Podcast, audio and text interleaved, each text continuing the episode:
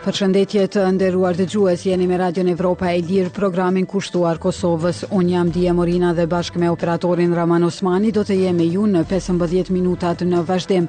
Fillimisht ju njoh me titujt kryesorë. Ambasadori amerikan në Kosovë Jeff Hovenieri i kërkon guvernatorit të BQK-së të shtyjë zbatimin e vendimit për dinarin. Talat Xhaferi merr detyrën si kryeministër i qeverisë teknike të Maqedonisë së Veriut. Nga bota, Irani mohon përfshirjen në sulme ndaj ushtarëve amerikanë. Për këto dhe informacione të tjera, ju ftojmë të qëndroni me ne. Radio Evropa e Lirë është media e pavarur amerikane e themeluar nga Kongresi i Shteteve të Bashkuara të Amerikës. Misioni ynë është promovimi i vlerave dhe institucioneve demokratike.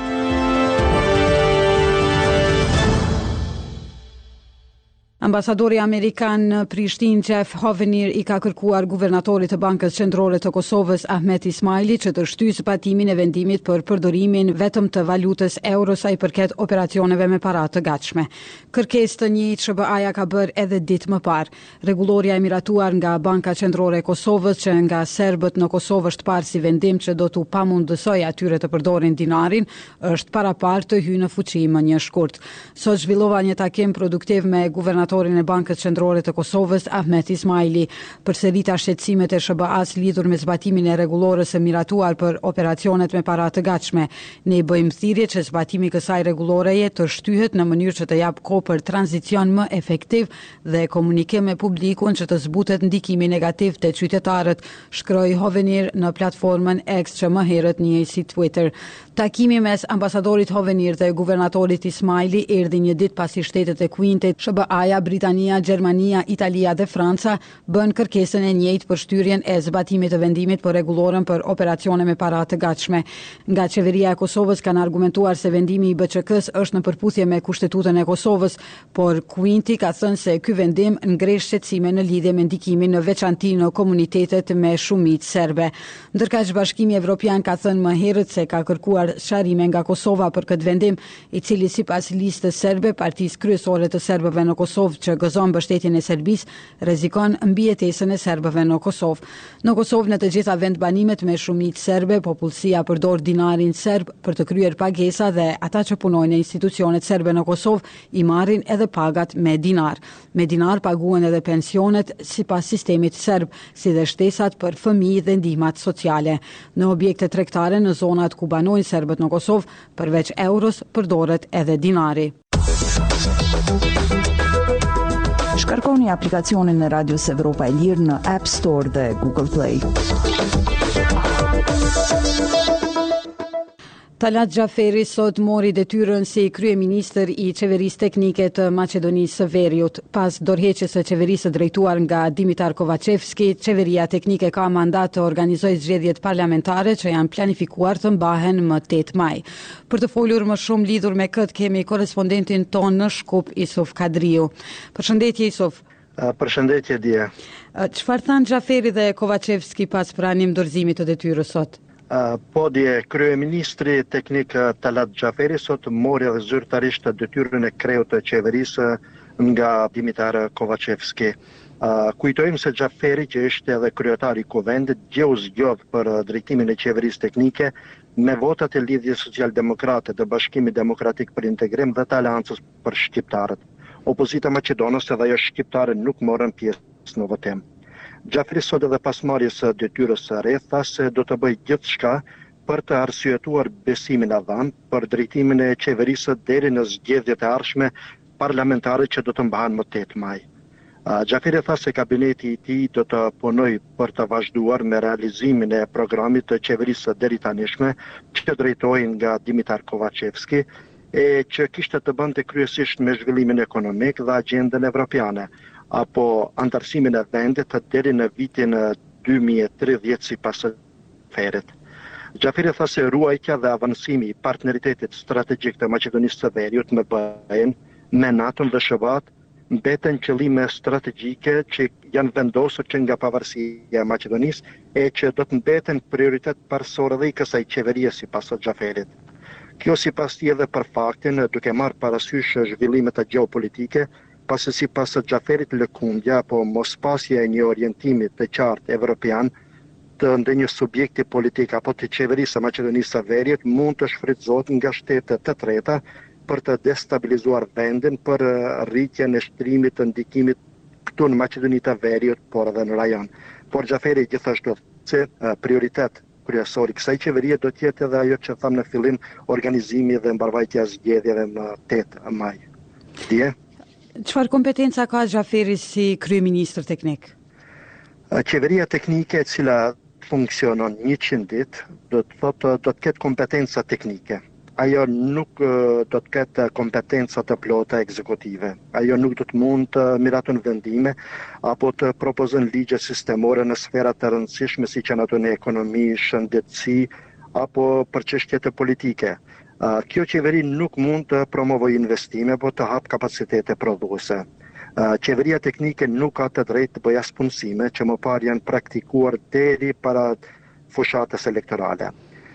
Dy ministrat e kësaj qeverie që mendoj se është me rëndësi të theksohet, ai për punë të brendshme dhe punë dhe politikë sociale do të drejtohen nga partia opozitare VMRO-DPMNE.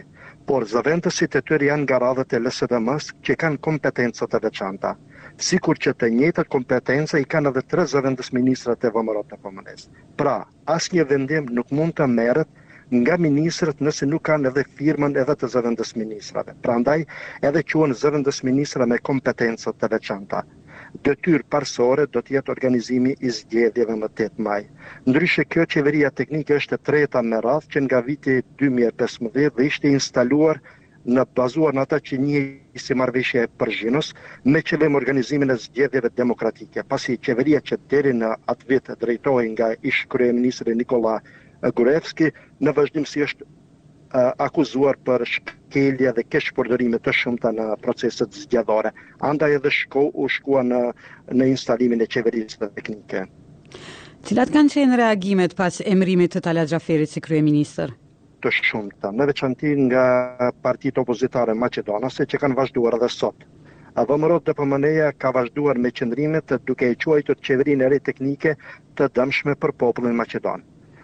Duke aluduar në Lidhjen Socialdemokrate, kjo parti sot doli me një komunikatë në të cilën thuhet se shërbëtorët besnikë të BDI-së dje e bënë popullin maqedonas qiraxhi në vendin e tyre dhe lejuan që një parti në këtë rast duke aluduar në BDI-në, që nuk ishte fituese në zgjedhje, të zgjedhë kryeministër të vendit. VMRO-ja akuzon BDI-në për siç ka thënë edhe banditizëm, korrupsion dhe krim të organizuar. Për VMRO-DPMNE-në, por edhe partinë tjetër e majta, Talat Xhaferi është një sinonim i një politikani dhe një personi që nuk është i denjë të jetë në këtë vend dhe një Person që për opozitën maqedonase është i afërt edhe me botën e krimit. Reagime ka pasur edhe nga opozita shqiptare, e bashkuar në Lidhjen Evropiane për Ndryshim. Ajo ka thënë se Talat Xhaferi ka qenë zgjidhja më e keqe e mundshme e BDI-së, ndërsa akuzon Xhaferin se si ish-kryetar i Kuvendit, ai ka punuar për interesat e një partie dhe jo të qytetarëve të vendit. Opozita shqiptare bojkotoi zgjedhjen e Talat Xhaferit për arsye se pikërisht Ai, sipas opozitës, bllokoi zgjedhjen e një anëtari të Komisionit Shtetëror të Zgjedhjeve, të cilën i cili pretendohet se i takon opozitës shqiptare. Reagime ka pasur edhe në rrjetet sociale dhe partitë tjera, por edhe intelektualë e opinionistë të ndryshëm maqedonas, të cilët kanë shprehur pakënaqësinë nga zgjedhja e Talat Xhaferit për kryeministër teknik. Por ndërkohë zyrtarë të Bashkimit Demokratik për Integrim dhe mbështetës të saj Zgjedhjen e Xhaferit për drejtimin e Qeverisë Teknike e kanë quajtur si arritjen më të madhe të shqiptarëve të Maqedonisë së Veriut. Faleminderit për këto informacione, Isuf. Ishim me korrespondentin tonë në Shkup, Isuf Kadriu. Në evropaelire.org Mund të lexoni materiale dhe analiza ekskluzive nga vendi, rajoni dhe bota. Vazhdojmë me zhvillime nga bota. Irani i ka cilësuar si të pabaza pretendimet se është përfshirë në sulmin ku u vranë tre ushtarë amerikanë në verilindje të Jordanisë afër kufirit me Sirinë. Zëdhënësi i Ministrisë së Jashtme iraniane Nasser Kanaani tha se sulmet e vazhdueshme të Shteteve të Bashkuara në Siri dhe Irak por edhe lufta në Gazë vetëm se do të intensifikojnë ciklin e paqëndrueshmërisë në rajon. Presidenti amerikan Joe Biden fajësoi grupet e mbështetura nga Irani për sulmet me dronë ndaj forcave amerikane. Kanaani tha se grupet e rezistencës nuk marrin urdhra nga Republika Islamike. Këto pretendime janë bërë me qëllime të caktuara politike për të përmbysur realitetin në rajon, citohet të ketë thënë Kanaani sipas agjencisë iraniane të lajmeve IRNA. Më herët, misioni i Iranit në Kombet e Bashkuara lëshoi një deklaratë duke thënë se Irani nuk ka lidhje me sulmin në bazën amerikane. Ka një konflikt midis forcave amerikane dhe grupeve të rezistencës në rajon dhe në mënyrë reciproke ato kryejnë sulme hakmarrëse, tha misioni iranian. Rebelët jemenas të Houthit thanë se kanë sulmuar një bazë mobile të marinës amerikane sot pa dhënë asnjë dëshmi. Megjithatë, ky pretendim i Houthëve është hedhur poshtë menjëherë nga një zyrtar amerikan i mbrojtjes. Houthët pretenduan se kanë sulmuar USS Lewis B. Puller, që shërben si një bazë lundruese për ushtrinë amerikane. Kjo luftanije më herët ishte stacionuar në Detin Arabik si pjesë e përpjekjeve amerikane për të frenuar sulmet e Houthëve ndaj anijeve tregtare që kalojnë përmes Detit të Kuq dhe Gjirit të Adenit. Sulmet e huthëve do të vazhdojnë derisa të ndalet agresioni dhe të hiqet rrethimi ndaj popullit të Palestinës në Rripin e Gazës, ka thënë zëdhënësi ushtarak i huthëve Yahya Sari. Një zyrtar amerikan i mbrojtjes që foli në kushte anonimiteti lidhur me çështjet e inteligjencës, tha se nuk ka pasur raportim për ndonjë sulm ndaj luftanijes Pulër. Megjithatë, rebelët e Huthit më herët kishin luajtur raketa që nuk kishin arritur cakun e synuar dhe raketat kishin rënë në det apo tokë.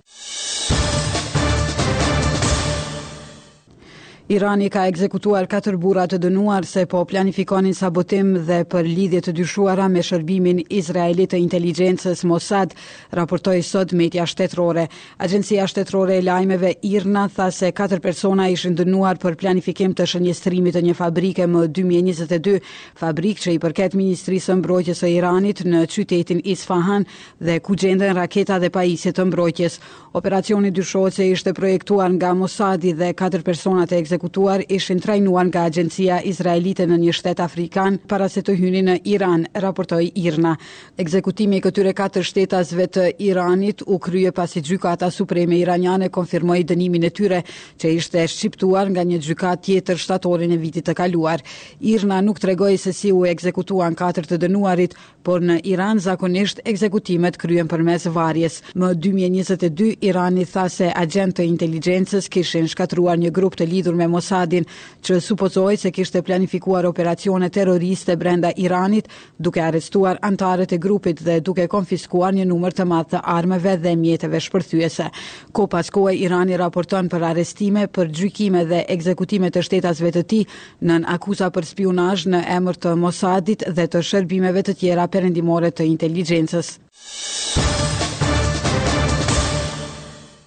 Lideri verikorean Kim Jong-un e ka cilësuar si sukses testimin e një rakete të re strategjike lundruese që u lëshua nga një nëndetëse.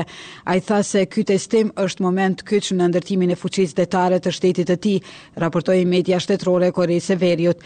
Pheniani ka shpeshtuar testimin e armëve gjatë këtij viti, përfshirë edhe testimin e një sistemi armësh bërthamore nënujore dhe një raketë balistike hipersonike që operon me karburante të ngurta. Media shtetërore KCNA tha se Kim ka shprehur kënaqësi të madhe për testimin e kryer të dielën, i cili ka një rëndësi të madhe strategjike për zbatimin e planit tonë për modernizimin e ushtrisë dhe ndërtimin e një force të fuqishme detare.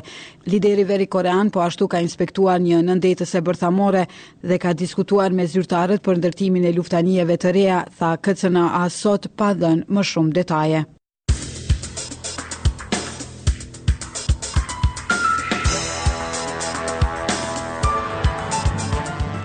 Ishen këto të gjitha materialet e përgatitura për edicionin e mesditës. Për lajmet e fundit dhe informacione të tjera mund të vizitoni faqen tonë në internet evropaelire.org. Jemi aktiv edhe në rrjetet sociale Facebook, X, Instagram, Threads dhe YouTube. Deri në takimin tonë të radhës, mirë mbetshi.